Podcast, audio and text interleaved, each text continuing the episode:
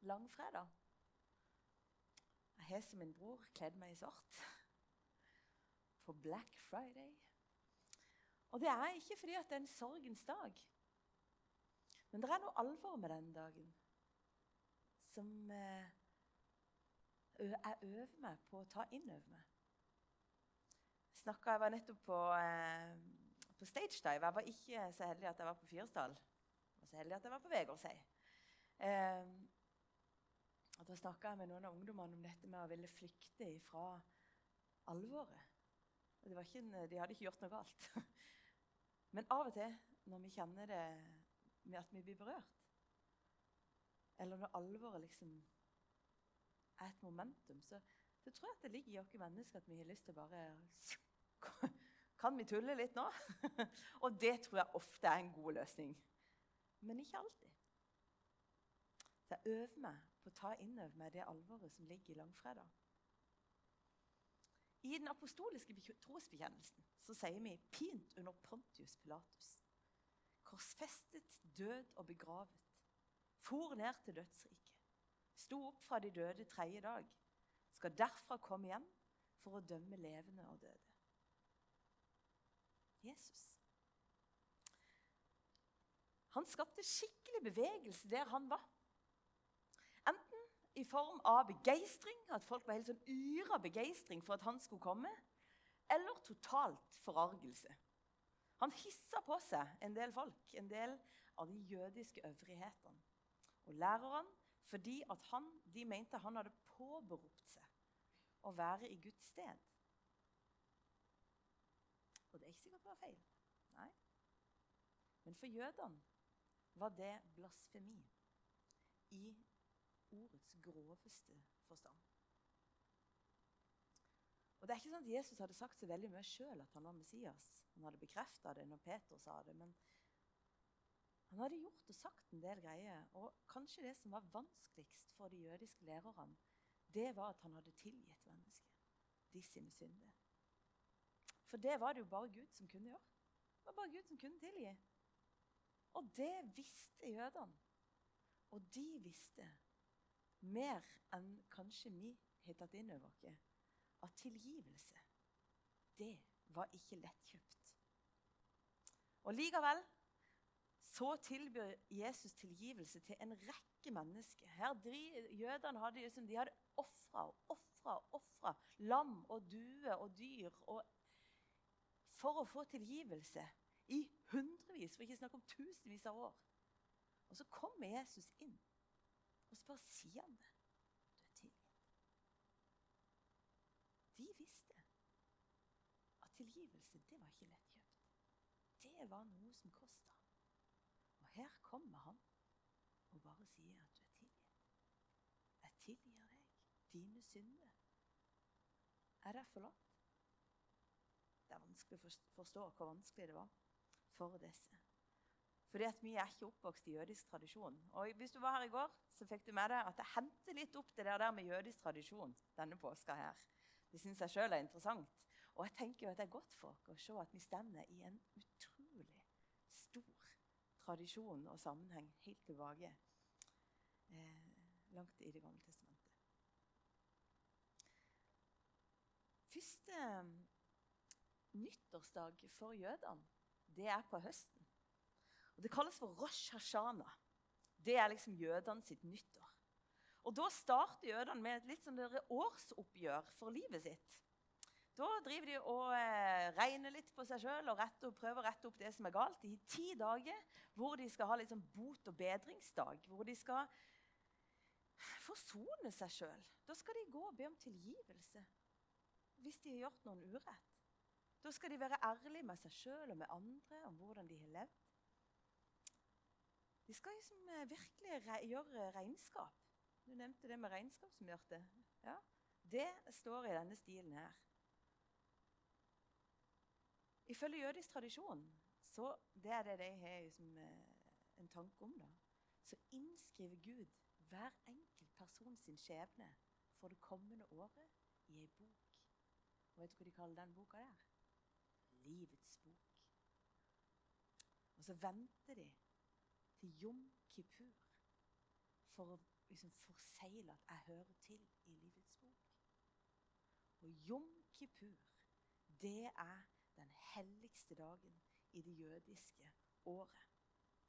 Allerede klokka fire dagen før så inntar jødene sitt siste måltid. Hele kvelden og hele neste dag fram til kvelden så faster de. Og Først etter å ha fasta i 26 timer så kan de spise igjen. For dette er forsoningsdagen. Og denne dagen så blir det ofra på en helt spesiell måte. Da følger de den skikken som Aron, hvis du husker, bror til Moses, han innsatte mens de var i ørkenen. Og Da skal det to geitebukker til. Og Den ene geitebukken han er offerlammet. på en måte. Han er ikke offerlammet, men han blir ofra som betaling for folket, all folket sin synd. Og så er det en annen bukk som blir kalt for syndebukken. Og over syndebukken så blir det et spesielt ritual. For øverste presten han går, og så legger han hendene over hodet på dette dyret. Og så begynner han å ramse opp. Ramse opp alt det. Han ramser opp all baktalelsen. Han ramser opp alle feiltrinnene. Han ramser opp alle løgnene. Han ramser opp at mitt folk er skader hverandre. Mitt folk. Vi har, sier han. Vi har skada hverandre. Vi såra hverandre. Vi har drept hverandre. Og jeg lurer på hvordan det hadde hørtes ut i dag, alt det vi har gjort. Så leser han det opp over denne syndebukken. Akkurat som han tar all folket sin synd, løfter det opp og klasker det ned over hodet på denne bukken. Og så sender de denne bukken ut i ødemarken med ett eneste oppdrag. Og det er å dø. Og når den bukken går ut i ødemarken og dør, så dør all syndeskylden med den. Og derfor er det sånn at de nesten de jubler og takker denne bukken på, på, et vis. De pynter den og liksom, Tenk at vi har en bukk som tar med seg. De, de priser Herren. Ikke, det er ikke sånn at de driver og tilber bukken, men det er liksom sånn Her er bukken vår. Han bærer det for oss. En syndebukk. Og nå er vi på langfredag. Og vi skal rett inn i dramaet. Vi er der jo på et vis allerede. det har du sikkert skjønt. Jesus gikk ut i går kveld i en mørk, mørk natt. Så går han inn i Getsemane. Et sted hvor de visstnok var ofte, står det i Bibelen. Jesus og disiplene. Der går han inn. Der prøver han å få bedt for å finne ny kraft. Og ber disiplene om å være med han og be. Og de sovner. Der tar angsten om. Og han svetter blod. Og der kommer Judas med følge. Og Jesus blir satt, tatt til fange. Jeg har alltid syntes synd på Judas. Jeg, jeg syns liksom at det er noe veldig sårt med den fyren der. Han som har forrådt Jesus, og han er jo blitt et sånt skjellsord. Din Judas. ikke sant? En som svikter. Han som ikke var så veldig fornøyd med hvordan Jesus håndterte Messias-oppgaven. Det er noe sårt der ikke alltid jeg heller er så fornøyd med hvordan Jesus håndterer meg eller mine bønner. Ikke alltid jeg syns han oppfører seg sånn som jeg gjerne skulle bestilt. Jeg kan bli ganske irritert på han. Judas som tok ifra pengekassa. Hvorfor trengte han det? Hvorfor gjorde du det, Judas? Det må jo virkelig ha vært en grunn At han kjente at han ikke hadde nok. Han er veldig sårt med den fyren der, syns jeg. Og så tenker jeg at Når han ser hva han er stelt i stand, så prøver han jo febrilsk å gi tilbake det sølvet. Når han skjønner hva han har gjort. Herre fred, hva er det jeg har gjort? Her har de betalt han for å forråde Jesus, og han gjør det. Nå angrer han seg. Men det nytter ikke. For gjort er gjort. Jeg syns synd på Judas. Han får det jo helt forferdelig. Og det øyeblikket han innser sitt eget svik, så står det jo at han angrer så bittert at han tar livet sitt. Og så er det Peter.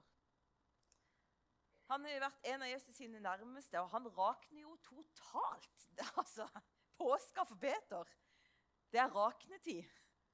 Det er da bare alt liksom, alt han, Jeg ser for meg at han liksom har pumpa seg opp for. Det var bare falle, kollapse totalt. Først så sovner han når Jesus ber han om å våke og be i hop med ham. Jesus er så dypt i angst. Og så sovner Peter istedenfor å være en støttende venn. Og så kommer der en haug av, av, folk som skal ta Jesus, da, og da, da, våkner Peter. Det er klart det er når det er litt sånn fight, da våkner han. Pah! Klart han våkner da.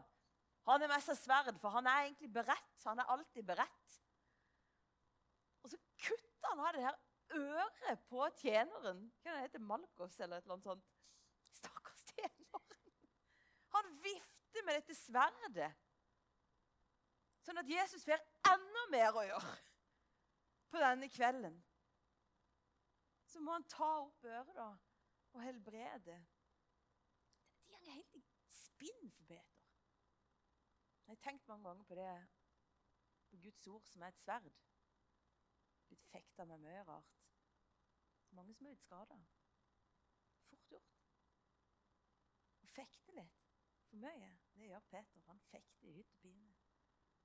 Og så går det galt. Så skader han noen istedenfor å hjelpe Jesus. egentlig. Det, det rakner, og så til slutt da, så gjenger han jo, Han er jo egentlig en, av de som jeg ser for meg at Peter han gjenger etter Jesus så godt han kan. for Han skal, han har vel tenkt at han skal befri ham. Og så befinner han seg nå utenfor eh, utenfor Kaifas sitt, sitt, hus når de holder på å avhøre Jesus. Og jeg tipper egentlig at Peter står og venter og egentlig prøver å legge en plan, og der er jo som en av de er sendt inn for å prøve å få hørt noe mer. Og Der står Peter og er sikkert sånn ok, Hvordan skal vi få han ut derifra? Fryser på hendene, gjør han. Og Da kommer det noen og sier 'Var ikke du med ham?' Og så kjenner vi kanskje historien. Så ender han opp med bare Nei, nei, det var ikke meg.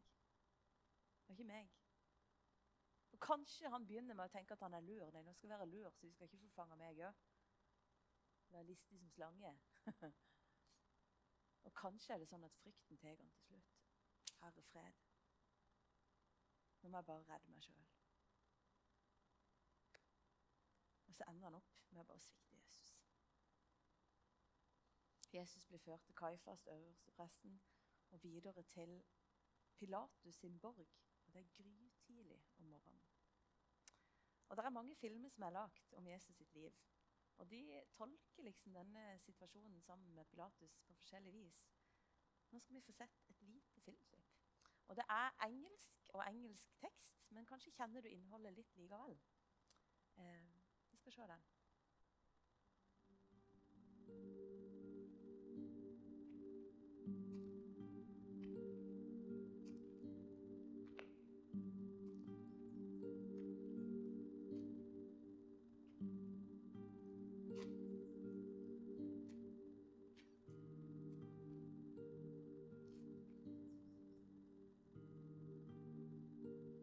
Art thou the king of the Jews?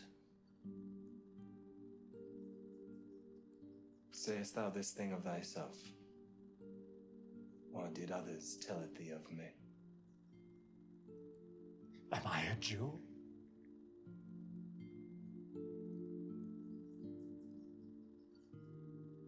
Thine own nation and the chief priests have delivered thee unto me. What hast thou done? My kingdom this world. If my kingdom were of this world, then would my people fight, that I should not be delivered to the Jews. Art thou a king then? Thou sayest that I am a king. To this end was I born, And for this cause came I into the world, that I should bear witness unto the truth. Everyone that is of the truth heareth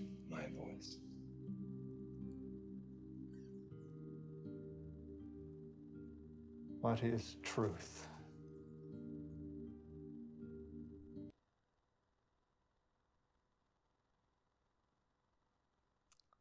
Ja, mitt kongerike er ikke av denne verden, sier Jesus. Pilatus er litt sånn oppgitt over det som er i ferd med å skje. Hva er det for noe, Jesus? Altså, Her driver til og med ditt eget folk, dine egne lærere, de øverste presten. Hva er det som gjør er, Hvem er du? Og så ender han opp når Jesus sier at uh, han sier noe om sannhet. Og da sier Pilatus, hva er sannhet? Han er kanskje litt sånn nysgjerrig på Jesus. Kanskje Pilatus er nysgjerrig på Jesus. Det tror jeg det virker sånn. Det er noe her som han ikke skjønner. Iallfall er han et ypperlig eksempel på det gresk-romerske folket, eller kanskje folk i 2023 i Norge. Mennesker som filosoferer, og som stadig kommer med litt sånn nye teorier om mennesket. Det kjennetegnte den greske kulturen. Det var stadig en ny tanke om hva som var sant. Det var stadig en ny idé om hva som egentlig var forklaringa på hva et menneske er, og hva som er svaret på de store spørsmålene i verden. Det var liksom det Pilatus levde i. Det kom stadig en ny teori seilende. Så når Jesus sier noe om sannhet, så stiller han spørsmålet ja, hva er sannhet? Det er et veldig dypt spørsmål. Og Likevel så er det kanskje det spørsmålet som jeg gjør at Pontius Pilatus til slutt, når han står med Jesus sin, sitt liv i sine hender, klarer å gi slipp på ham. Han klarer å overlate ham til døden. For når sannheten er relativ, når du ikke helt har bestemt deg for hva som er sant Hvis sannheten kan være så mange ting, hva er det da som er viktig? Hva er det da som er viktig? Og dette er Pilatus sin kamp. Pilatus strever med Jesus. Han tar han for seg sjøl og er litt sånn der Hvem er du? Hvorfor er det så er styr rundt deg? Og så er, hører han på han, og så er, skjønner han at her er, er noe rart. Men jeg kan ikke helt skjønne at denne mannen skal være skyldig. Og han sier det når han tar han ut igjen etter å ha pratet med han, så sier han jeg finner ingen skyld hos denne mannen. Men så virker det som han hadde tenkt å please, som han hadde tenkt å tilfredsstille jødene litt. Så, men dere har den skikken jeg, at jeg gir dere en fange fri i påska. Vil dere at jeg skal frigi jødenes konge? Da roper de. Ikke han, men Barabas. Barabas var en røver. Og jeg tenker at Pilatus må bli veldig frustrert av det her. Hva er det her for noe? Barabas vet vi at det er en røver. Vi vet hva han har gjort. Her er det en som ikke ser ut til å ha gjort noen ting. Jeg tror egentlig Pilatus er forvirra. Og mens han sitter og kanskje funderer over dette, så kommer jo kona til han, og da vet du at det er alvor. Så stender det at mens han satt på dommersetet, sendte hans kone bud til han og sa ha ikke noe med denne rettferdige mannen å gjøre. Jeg har drømt så vondt i natt for hans skyld. Jeg tenker jo at Pontius Pilatus er i ferd med å bli stressa. For du tok ikke så lett på drømmer på den tida. Hvis du leser Bibelen, så taler Gud faktisk veldig ofte gjennom drømmer.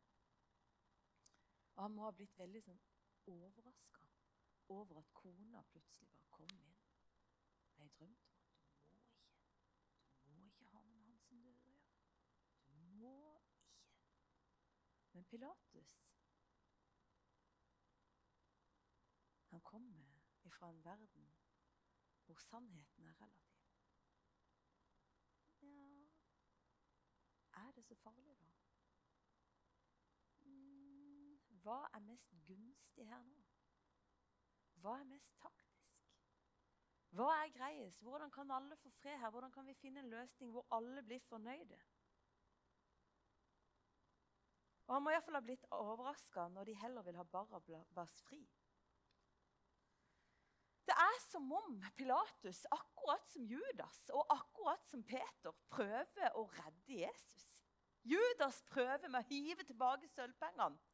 Peter prøver med å følge etter Jesus, kanskje for på et eller annet vis for, forlød Det er ikke sikkert han er en plan i gang, men han følger iallfall etter han. og nå er det Pilatus, som jeg syns det ser ut til at prøver å få Jesus fri. Han gjør det jo på en veldig spesiell måte, da. For han prøver seg, og det skulle han kanskje ikke ha gjort. Han tenker at kanskje er det nok om Jesus blir piska. Da overlever han i hvert fall. Og han lar Jesus bli piska. Og vi snakker en helt forferdelig tortur.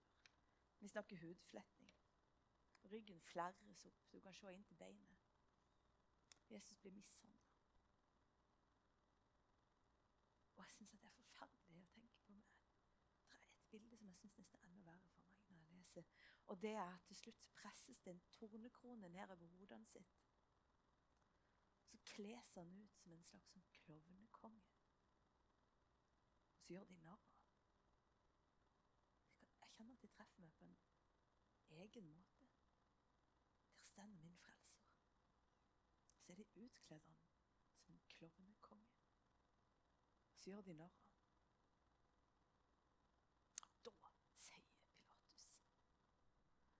Se det mennesket! Se det mennesket! Og Historikere de sier faktisk at Pilatus senere så ble han kjent for sin bestialitet og grusomhet. Han ble faktisk kjent for å være en av de verste og mest eh, hardeste og, og voldsutøvende lederne i romersk samtid. Han var en av de som var aller verst. Nå stender han og nesten blir sånn derre Se på det! Han appellerer til medlidenheten de sin. Han som skal bli kjent for å være en av de verste, sier Nå må dere se! Ser dere ikke dette mennesket?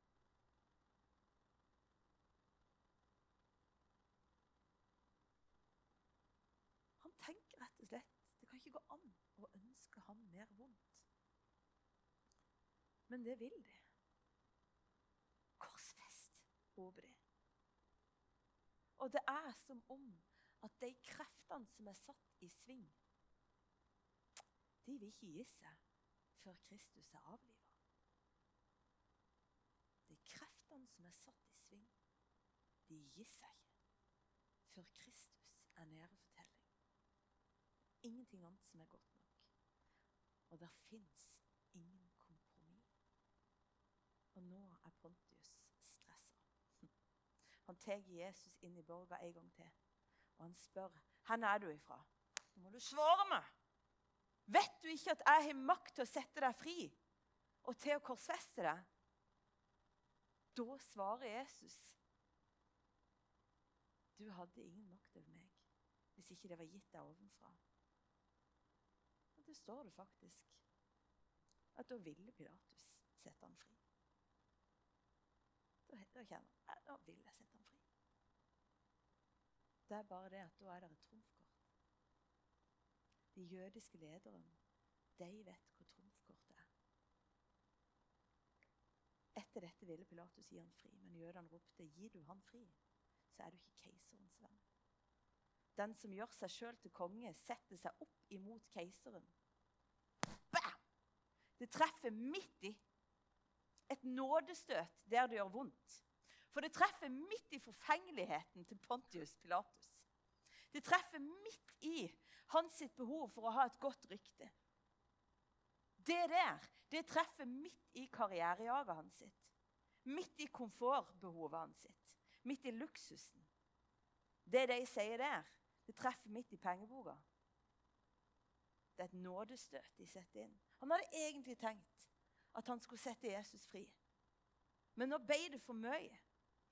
For plutselig så var det han eller Jesus.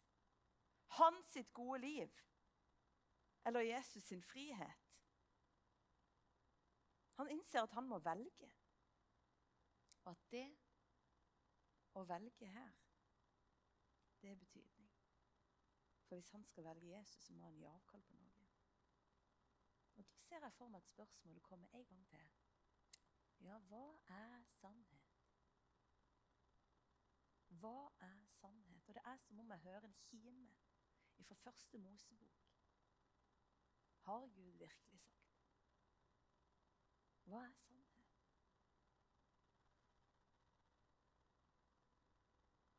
Hva er det egentlig som er så viktig?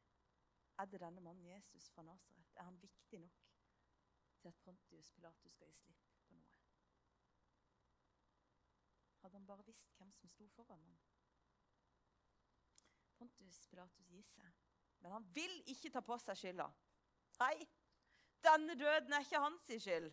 Så han dypper hendene sine i vannet, han vasker de og sier, 'Jeg er uskyldig i denne mannen sitt blod'. Nei, det var ikke meg. Det er dere. Det er de andre. Det er de andre. Det er bare det at det fins ikke vann og såpe nok i denne verden til å vaske bort det Pilatus har gjort. Han ble sittende fast i noen spørsmål som han trodde at han forsto kompleksiteten av. Hva er sannhet? Det som er tingen at Pontius Pilatus det står det, han ble bedre venn med Herodes etterpå. Det er bra for karrieren hans. Pint under Pontius Pilatus. Jesus er pint under Pontius Pilatus. Han er pint under Pontius Pilatus sin unnlatenhet. Og nå føres Jesus til Golgata. Og han spigres med nagler til korset, og der henger han. Og korsfestelsen, det er resultatet. Det er resultatet. Det er resultatet av at Judas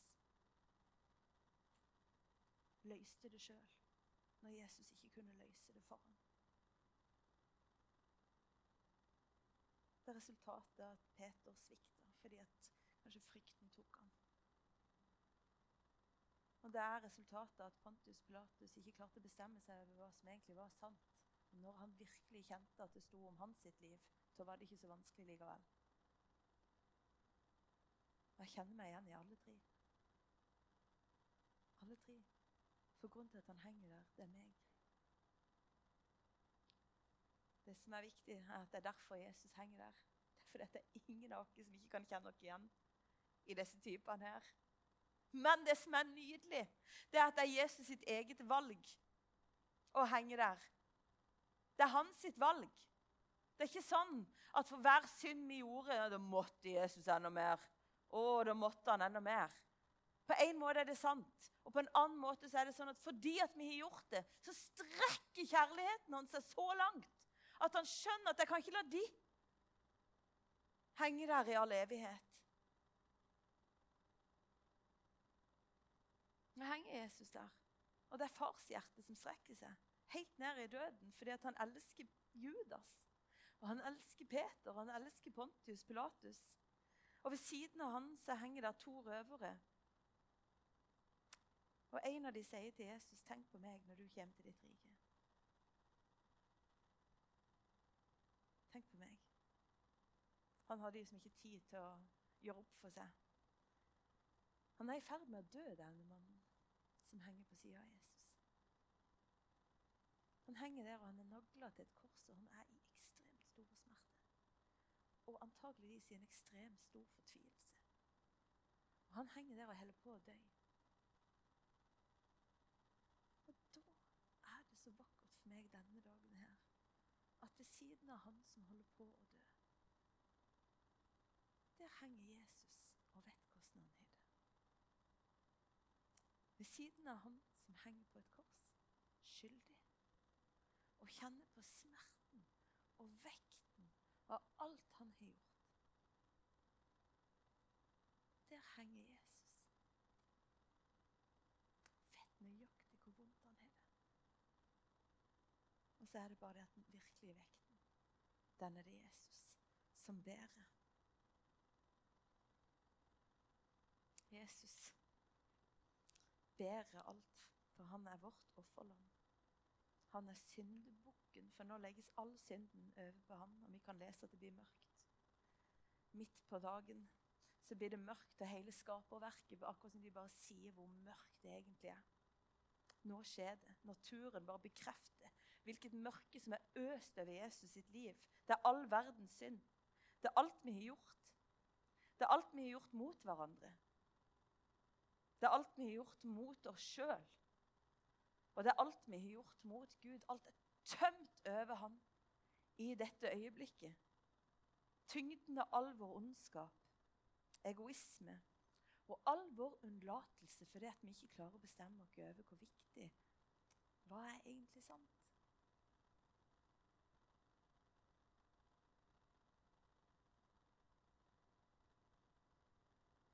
Og Jesus kjenner på en sånn utrolig ensomhet. Han kjenner på en ensomhet som gjør at han skriker ut det som står i salmene. Min Gud, min Gud, hvorfor har du forlatt meg? Hvorfor har du forlatt meg? Det er det mørket Jesus befinner seg i. Og jeg har lyst til å si at det er du som har kjent at mørket har ramma deg så kraftig, at du kjenner deg forlatt. Så vil jeg først si at det er du ikke. Men du har en frelser som vet hvordan det føles. For han har opplevd det mørket. Han har prøvd i alle ting. Og fordi han har prøvd i alle ting, så kan vi ha stor tillit til ham. For han kjenner vekten av enhver smerte. Dette er forsoningens dag. Og Jesus er offeret. Han er syndebukken. Og nå er han på korset. Nå lider han. Og nå bærer han bort vår synd. Og så dør Jesus. Og vår syndeskyld dør med han. Han er vår Gud, som elsker så høyt at han går i døden. Nå dør han for oss. Nå bærer han vekk vår skyld, og det eneste vi kan gjøre, det er å stå igjen og si takk. For denne sekken kunne jeg ikke bære sjøl. Denne byrden, Jesus, den kunne jeg ikke bære sjøl. Da hadde jeg ikke nådd fram. Jeg har liksom båret inni meg et sånt bilde av denne geitebukken som får det over hele seg. Legges det over ham. Så går han ut. Og så ser jeg bare for meg en sånn solnedgang. Dit går han for å dø, og så er det som å stå igjen. Sånn. Jeg bare la det på ham, og så tok han og så gikk han. Jeg bare la det på ham, og så tok han det, og så gikk står jeg igjen. Helt fri. Det er ingen Det er ingen Det er ingen skyld som tynger mine skuldre lenger. Det er ingen Det er ingen synd som skitner meg til lenger. Jeg får lov til å stå i det aller helligste hos Gud. Han har tatt all min synd. Og nå ber jeg om den inn i døden for meg. Og nå skal jeg avslutte, og vi skal gjøre det sammen, faktisk. Jødene de feirer Rosh Hashanah og Jom Kippur med et håp om å få sitt navn i livets bok med et plusstegn. Jesus er vårt tegn.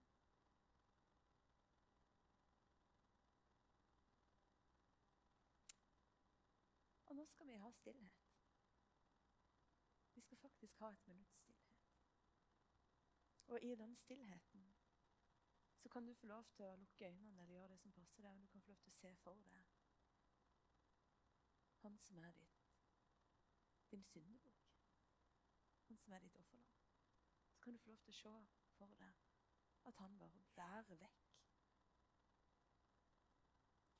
Og kanskje er det sånn, ikke fordi at han trenger det, men kanskje du trenger det. Bare minne deg om at du kan få lov til å legge noe over han som du trenger bare få lagt der. Sånn at han kan gå vekk. og ta det bort. Vi tar ett minutt ifra nå.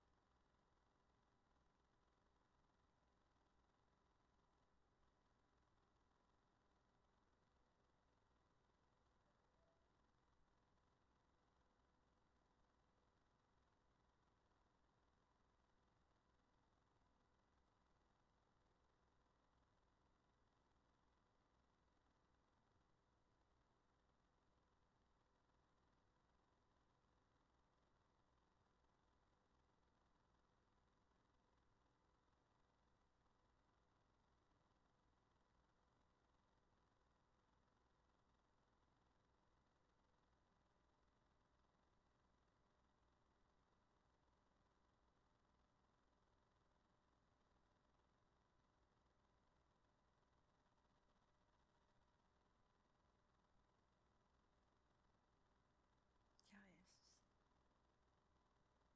Takk for Golgata. Kjære Jesus, takk for Golgata.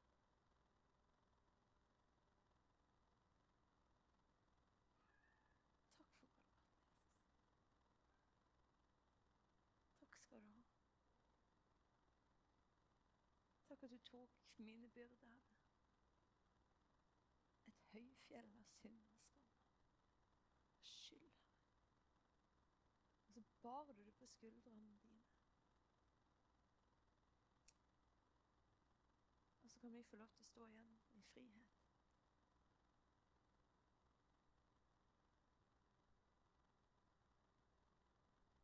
Jeg tror bare jeg har lyst til å si, Hvis det er flere som har lyst til å takke her inne, så bare gjør vi det.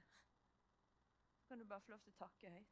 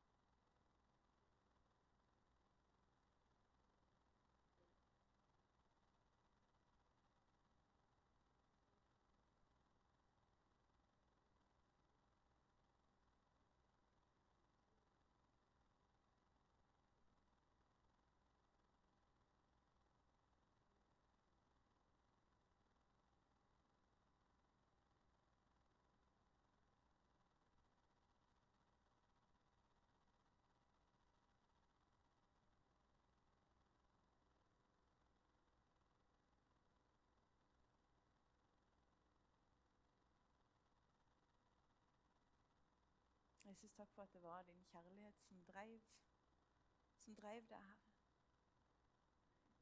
Det var ikke summen av, et mattestykke, Herre. Det var ikke summen av et mattestykke der det bare hadde toppa seg. Det var ditt kjærlighetshjerte, Herre, som strakk seg helt ned til oss, Herre. Takk for at det er den plassen du har latt oss stå igjen med, Herre. Det eneste vi kan stå igjen, å, å stå her og la oss sjøl bli elska av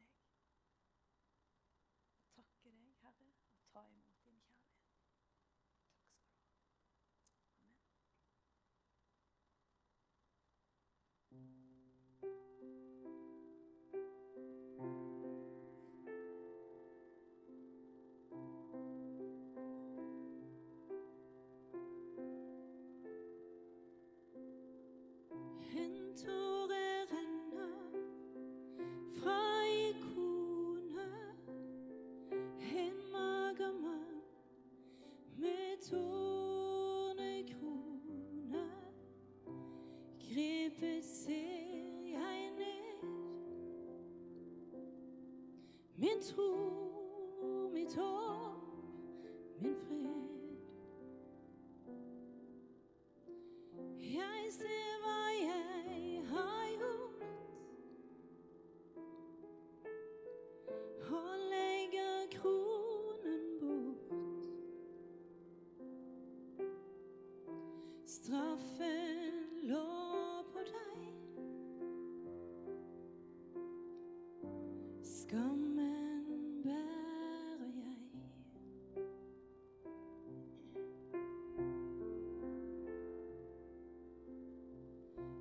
Et ord, en mann, en speil, en gåte. Forundret ser jeg speilet gråte. Så lite tro jeg har. Jeg overhører svar. Jeg trodde det